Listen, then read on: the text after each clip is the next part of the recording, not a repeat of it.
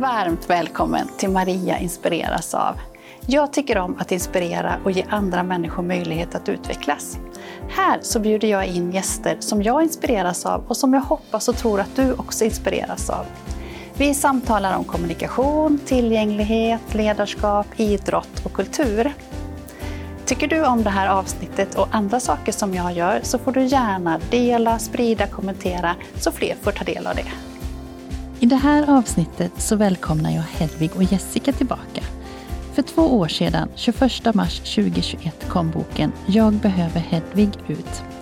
Boken är skriven av Jessica som är mamma till Hedvig och arbetar som skrivcoach. Boken har fått stor uppmärksamhet och beskriver Jessicas tankar och känslor som hon burit på i många år. Jag bjuder på hela mitt känsloregister till vem som helst, säger Jessica och berättar hur människor har hört av sig efter att de läst boken. Det är tack vare fantastiska Hedvig som boken finns och det Hedvig berättar om i avsnittet väcker starka känslor och du får många tänkvärda ord att bära med dig framåt. Känn dig så varmt välkommen att inspireras. Hej Hedvig och Jessica! Hej igen! Hej igen! Ja precis, varmt välkomna tillbaka! Tack! Tack själva! Ja, ni har ju varit här tidigare och eh, jag tycker det är jättekul att ni är tillbaka igen.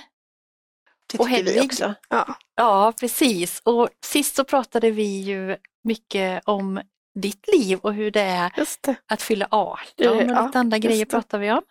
Precis. Ja, men idag så tänkte jag att vi skulle prata lite mer, kanske inte om ditt liv Jessica, men, men, om den här boken som du har skrivit och också det arbete som du är eh, och håller på med just nu mm. med skrivande och mm. lite olika delar som vi ska prata om. Men först tänkte jag ändå Hedvig att du får berätta lite om dig själv. Om inte de andra, det kan ju vara tittare och lyssnare som inte har sett på det här andra avsnittet. Så, så vem är Hedvig? Det är jag. Det är du? Ja. ja. Kändisen. Kändisen? Ja. Och hur gammal är du? 18. Ja.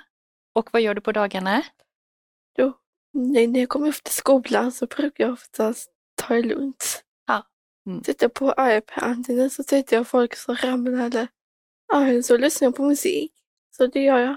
Det gillar mm. du? Ja. Och så går du i skolan på dagarna? Ja, så går på skolan, det gör jag. Just det. Mm. Ja. Och Jessica, vem är du? Ja, jag är Hedvigs mamma bland annat. Jag har två barn till. Jag, eh, på dagarna så jobbar jag i egen regi mm. som frilansjournalist och eh, skrivcoach, skribent. Mm. Mm. Sen fyra år tillbaka ganska precis. Ja, det är så pass länge. Mm. Ja. Ah, Åren går. Åren går, mm. ja precis, precis. Och eh, den här boken då, vem är det som är på den här bilden? Ja. det är du Hedvig eh, Jag behöver Hedvig mm. har du skrivit och den kom ut 2000... 2021 var det, ja. den 21 mars på mm. internationella Down syndromdagen. Jaha, mm. Mm. för Down syndrom. Ja, det var det. Precis, det lever du med. Ja, det ja. ja. Jag tänker att eh, vi skulle prata lite om den här boken Jessica då. Mm. Mm. Och det känns okej okay för dig Hedvig att ja. vi pratar om det också? Ja, det går bra. Det går bra? Ja. Du är så van kanske? Ja, det är jag. Ja. Vad spännande. Vad, vad kom sig att den här boken blev till? Den blev till för att den var nödvändig för mig att mm. skriva. Mm. Eh, skriver det gör jag alltid, har gjort sedan jag var liten. Alla sinnesstämningar. Eh, och när Hedvig kom så vändes världen lite upp och ner. Mm. Eh, dels så visste vi inte att Hedvig har Downs syndrom. Men sen var det också så att Hedvig var väldigt sjuk. Mm. Hon var svårt hjärtsjuk och hade också ett fel i tarmen uppdagades efter några månader. Eh, och det var naturligtvis väldigt omvälvande mm. att få en bebis som var så sjuk. Mm. Eh, och på något sätt så, du hade tre syskon hemma mm. som faktiskt ja. inte var så stora. De var sju, sju och nio år gamla. Och alla hade ju väntat på den här lilla bebisen. Ja. Och på något sätt så la jag mig väldigt mycket vinn om att inte visa dem hur rädd och orolig jag var. För jag var jätterädd och, naturligtvis att förlora Hedvig. Mm. Så, så mycket av min energi och kraft gick åt till att inte visa dem hur orolig jag var, inte visa dem att jag var ledsen. Mm. Ehm, naturligtvis såg de det också, men jag försökte liksom upprätthålla någon slags glad och lycklig vardag. Mm.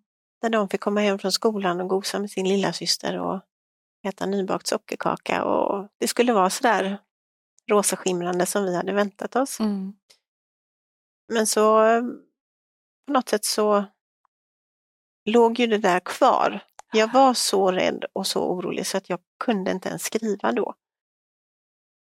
Sen genom åren, det gick ju bra med dina operationer och vi fick ha det kvar och då, då har jag liksom inte bearbetat det riktigt. Så har jag försökt genom åren att skriva om det. Mm. Ibland i dagboksform och ibland ja, bara för att skriva. Och jag har eh, skrivit och jag har lagt undan det i flera år och jag har tagit upp det och skrivit igen.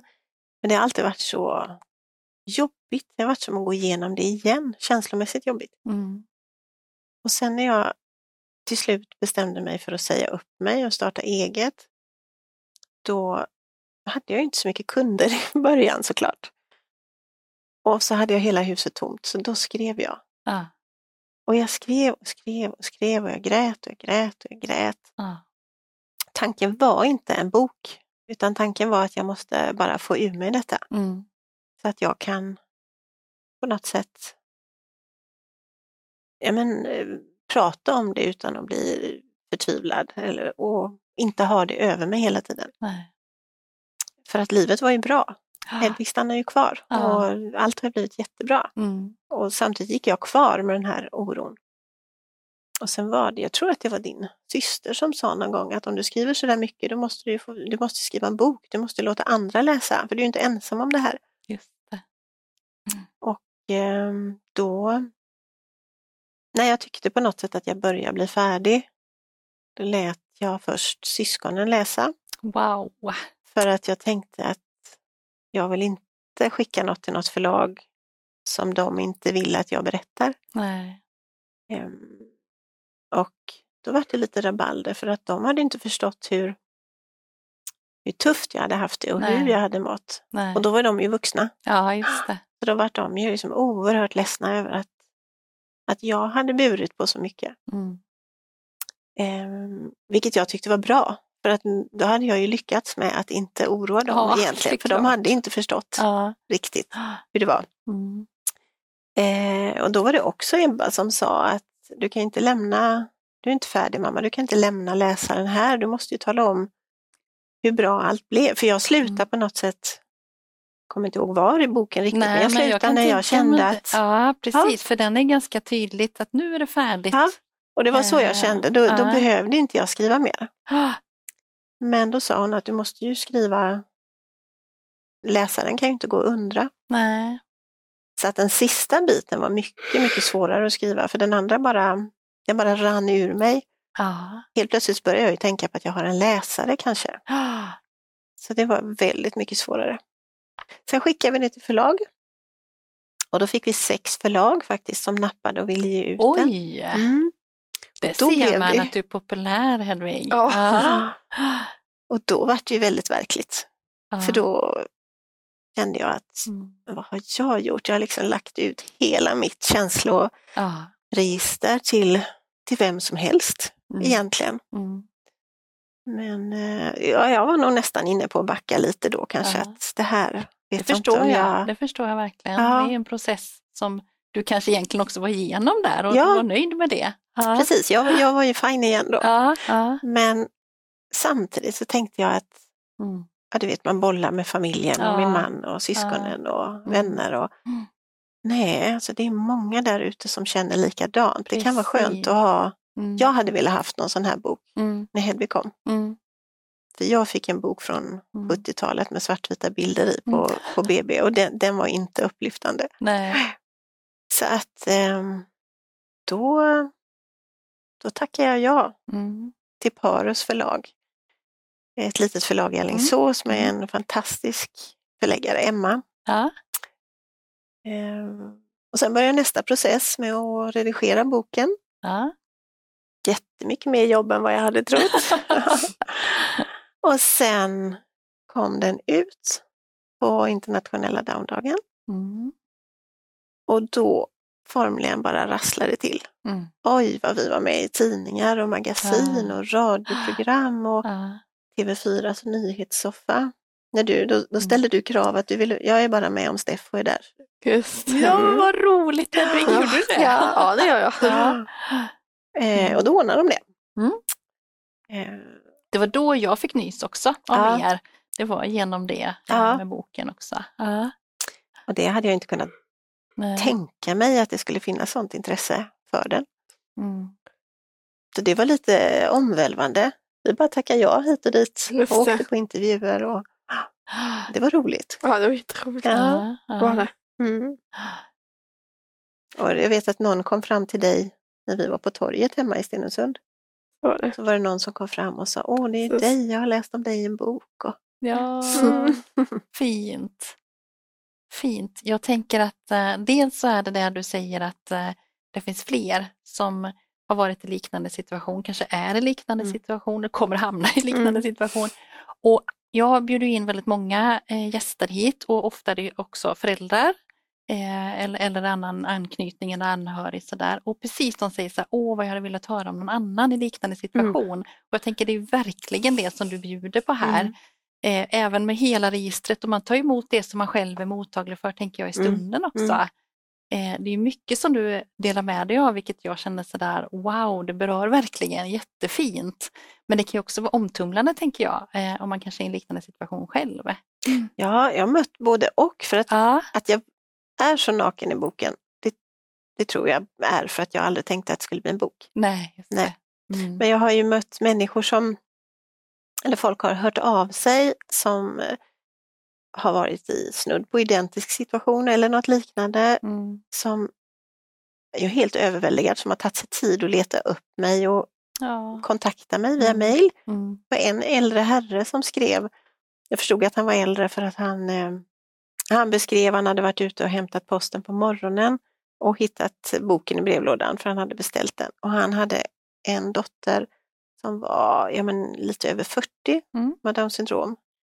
Och så berättade han hela sin historia om hur det var när hon föddes och hur de blev på den tiden då rådda att lämna bort henne, men de Ja. gjorde inte det. Nej. Och hur han, när han beskriver hur han har suttit och läst den en hel dag och Mm. gråtit och gråtit Mm. och gråtit. Mm. Det är oerhört och få, Ja, fantastiskt fint. att få ta del. Sen har jag Mm. haft folk som har kontaktat mig som väntar barn och vet att de har ett barn med Downs syndrom och vill läsa. Mm. Jag har också haft nyblivna föräldrar som har velat köpa boken men som har skrivit sen att nej, jag började men jag tror jag får vänta ett tag. ja, precis. Det var lite så jag menade. Ja. Men vad fint. Men Då att- vet man också att den finns. Den finns. Ja. Ja. Så att jag har ju fått väldigt mycket igen Mm. i form av berättelser av andra. Jättefint. Mm. Och jag, ja, stort tack kan jag säga för att du har delat med dig av det.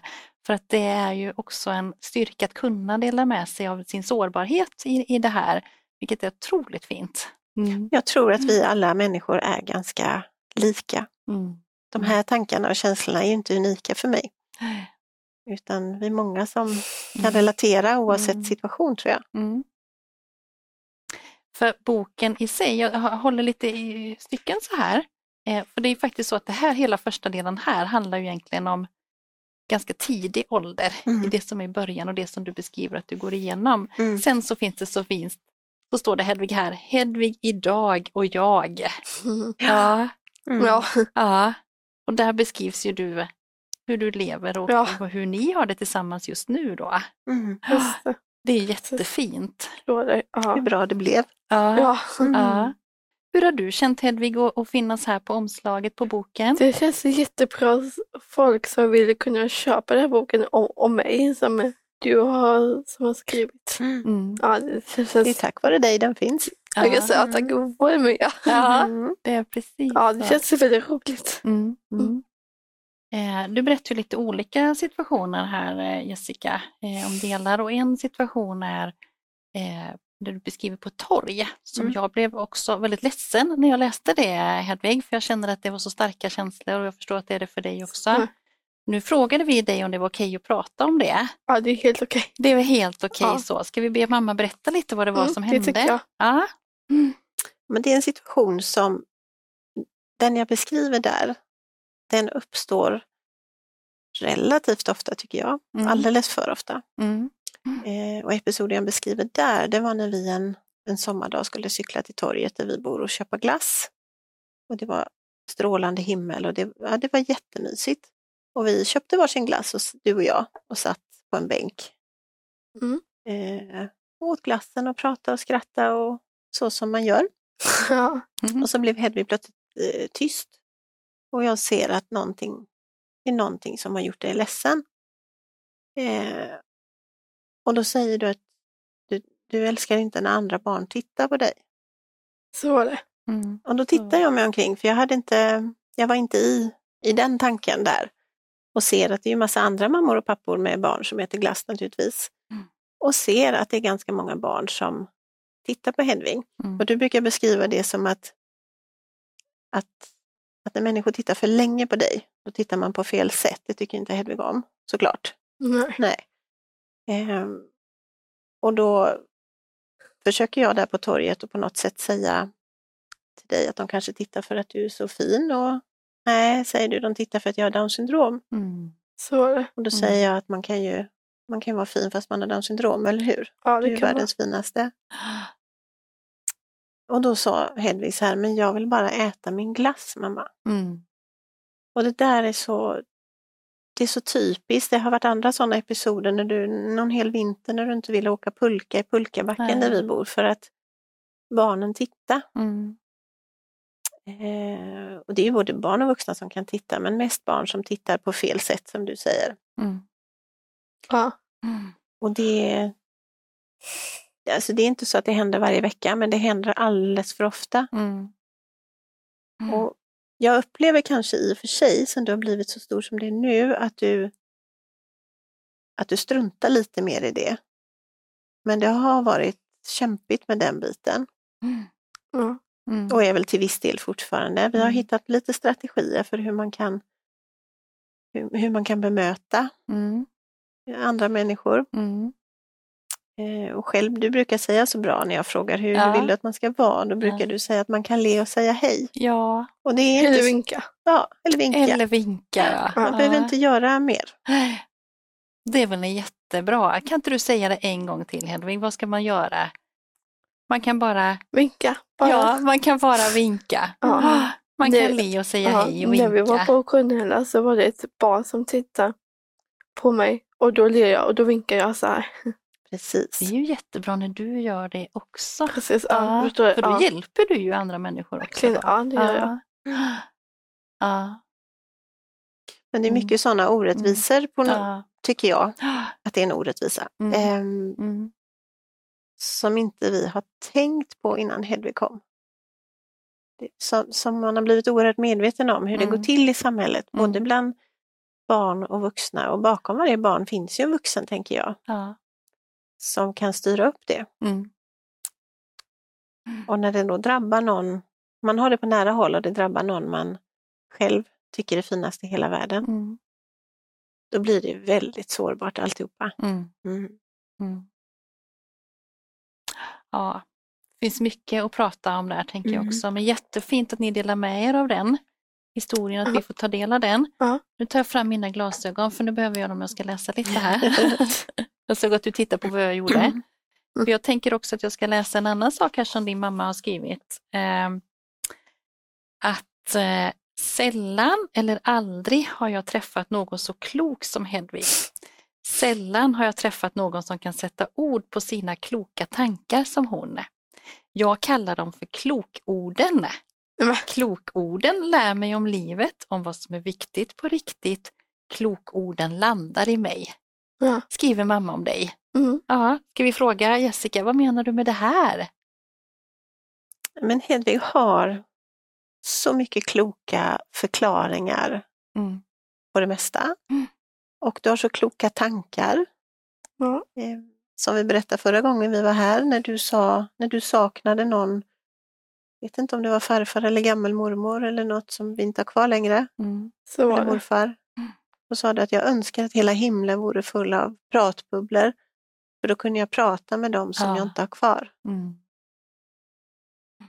Det är så, e- du har så enkla, kloka Mm. funderingar på allt. Alltså jag blir varse hur mycket jag själv krånglar till allting hela tiden. Mm. Så att om, om fler kunde resonera som Hedvig gör så skulle det vara Mm. en mycket bättre värld. Hur känns det att höra det Helvig? Jo, det känns bra. Ja, det känns bra. Ja, ja. Jag kan ju bara hålla med din mamma Ja. om det. Du, du känns, ja, nu har inte jag ja. träffat dig så många gånger men du känns ju väldigt klok. Mm, det är Ja. verkligen. Ja. Mm. Mer, Det är fler klokord Ja. i Mm, livet, i världen. Mm. Jag tänkte jag ska läsa en liten grej till här. Ehm, att jag upplever ibland att Hedvig besitter är ett slags sjätte sinne. Hon har förmåga att se det stora i det lilla på ett sätt som många av oss andra har tappat längs vägen. Förmåga att glädjas över sådant som jag annars hade missat. Och hon skrattar gärna och ofta högt bara för att livet känns härligt. Jag beundrar henne för det också. Mm. Ja. Jag känner igen lite av de här tankarna som, som jag läste om det nu när jag träffade Anna Pella. Eh, som också, Anna Pella är, är en kvinna som har en dotter som heter Agnes eh, och som har en funktionsnedsättning. Eh, och hon kan inte prata och hon kommunicerar på annat sätt där. Men precis det som beskriver här, att se det stora i det lilla, Mm. beskriver Anna också så fint i det avsnittet. Jag tänker att det är, är väl lite av det som du är ute efter Mm. här, att du är väldigt duktig på det Hedvig. Mm. Ja, Du kan ju ibland bara, du, du skrattar och jag frågar vad, vad det är som är roligt. Ingenting, jag är bara lycklig. mm. Och på fredagar Mm. då, då brukar Mm. du säga, brukar du fråga mig när du vaknar, är du fredagslycklig idag? Och det är inte så jag tänker kanske när jag vaknar en fredag morgon. Nej. Eller inte så jag tänkte, nu tänker jag så. Ja, aha. För när Hedvig vaknar på fredagen, då är du fredagslycklig. Men du är också måndagslycklig för att då är skolan tillbaka. Så att Ja. man måste inte ha en, Just ha en anledning för att skratta. Nej. Man kan bara känna sig lycklig Mm. och glad. Mm. Och då skrattar vi allihopa, för det Mm. smittar ju när du skrattar. Ja. Det. Ja, verkligen. Och vad Och- härligt. och det lika ska jag så ta om med Hedvig skulle- Fredagslycklig. Ja, Äh, Ja. Det var ju ett härligt ord. och sen eh, kan du liksom vara lycklig.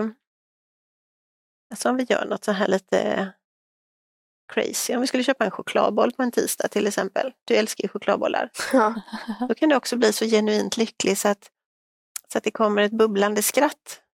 Istället för att bara säga att ja, vad, vad mysigt, vi äter en chokladboll. Mm. Så sta- stannar det inte där, utan det är alla, alla känslor är så mycket och det tycker jag är härligt. Ja. Jättefint.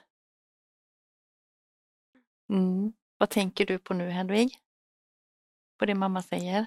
ja, det känns jättebra kloka ord till mig. Det gillar jag. ja, det gillar du. Ja, fint. Ja, kan verkligen varmt rekommendera att läsa den här boken. Jätte, jättefin. Ja, Mm. Tack. Mm. tack själv. Eh, du eh, sa att du startade ett eget företag för några år sedan, Jessica. Och eh, vad gör du i det företaget? Där arbetar jag som frilansjournalist. Mm. Jag trodde att jag enbart skulle jobba som frilansjournalist, men det har nästan blivit den minsta delen. Mm. Eh, jag arbetar också som skribent. Jag skriver texter till hemsidor och broschyrer och ja, vad företag nu behöver. Eh, men de sista åren, sedan jag skrev boken, så har jag också arbetat som skrivcoach. Och det är väldigt, Skrivcoach. väldigt roligt. Ja.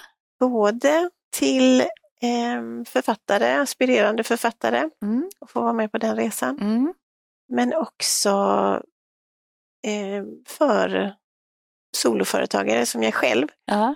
som ett sätt att lära sig att skriva för att, ska man säga, göra sig synlig, för Ja. att eh, ta sin plats. Det funderade jag mycket på när jag blev egen, för att jag, det. Mm. jag visste vad jag ville göra, Mm.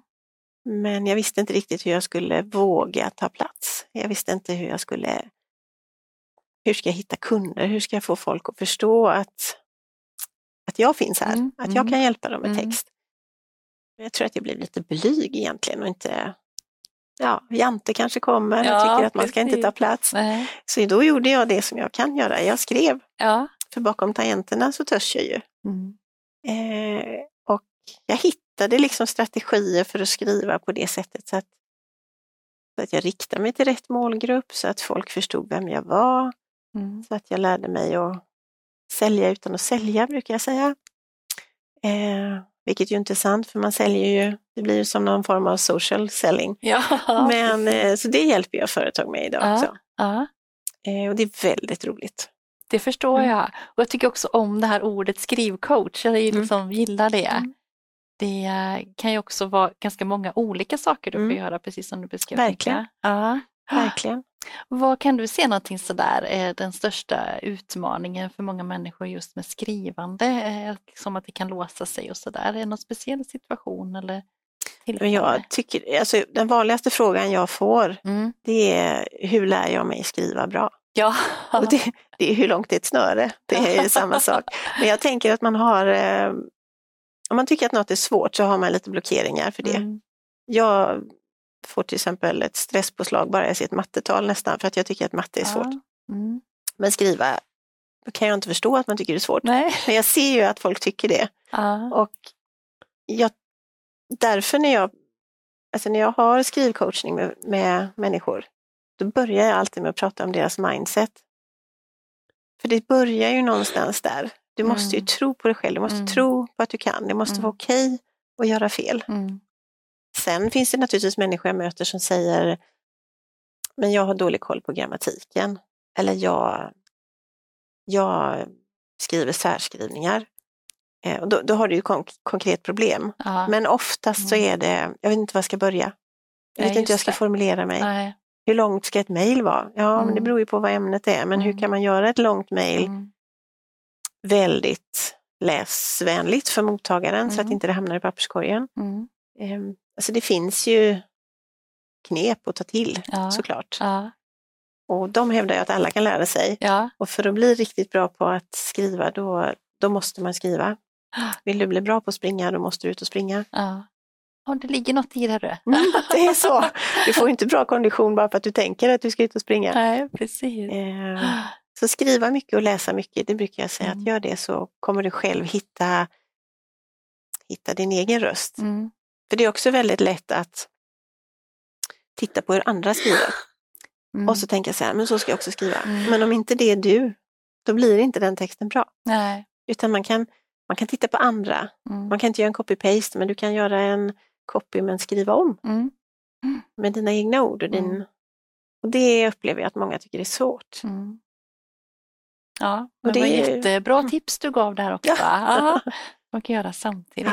Ja. Ja, åh vad spännande. Kände du av det själv när du skrev boken? Ja, i sista delen för att jag Ja. kände att jag skrev för en läsare Mm. plötsligt. Just det, det var då det kom. Eh, ja. Innan så, eh, nej, jag bara flödeskrev och tänkte att jag bara måste ha ur mig. Ja. Eh, Så att, eh, men sista delen, absolut. För då blir det prestationsinriktat och vad vill Mm. läsaren ha? Alltså, vad gäller en sån här bok så kan jag inte tänka på vad läsaren ska ha. Nej. Pratar man om ett företag då måste jag tänka på vad, vad är det den här mottagaren vill läsa? Precis. Och så får jag anpassa efter det. Mm. Så det är, som två, det, det är så Ja. vitt skilda och det är Ja. jätteroligt med att jag får jobba som skrivcoach med både de som skriver böcker, Ja.